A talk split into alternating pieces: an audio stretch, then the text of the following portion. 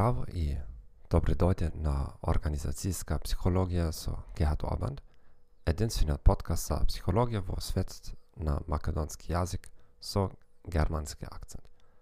Денес ќе разговараме за моделот на неравнотежа помеѓу напорот и наградата. Моделот на Јоханес Сикрест од Универзитетот во Дюсселдорф, Германија, објаснува зошто определени вработени ќе чувствуваат стрес. Човечките суштества имат вградена потреба за реципроцитет. Ова е евидентно во многу обштествени норми.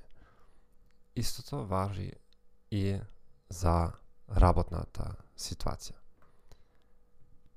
Ако некој вработен чувствува дека вложува повеќе напор отколку што е награден, може да почувствува стрес.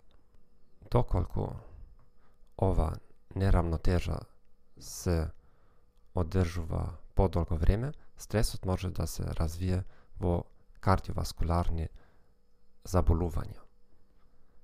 Наградите може да бидат платата, почит, промоција, безбедност. Треба да биде јасно дека многу поединици ја елиминираат нерамнотежата со намалување на нивниот напор. Тие работат помалку напорно.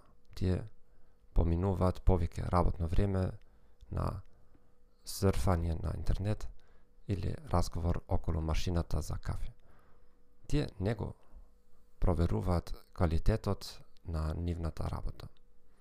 Тие се помалку внимателни и помалку пријателски расположени кон клиентите. Покажуваат помалку иницијатива. Тие не пријавуваат проблеми или ризици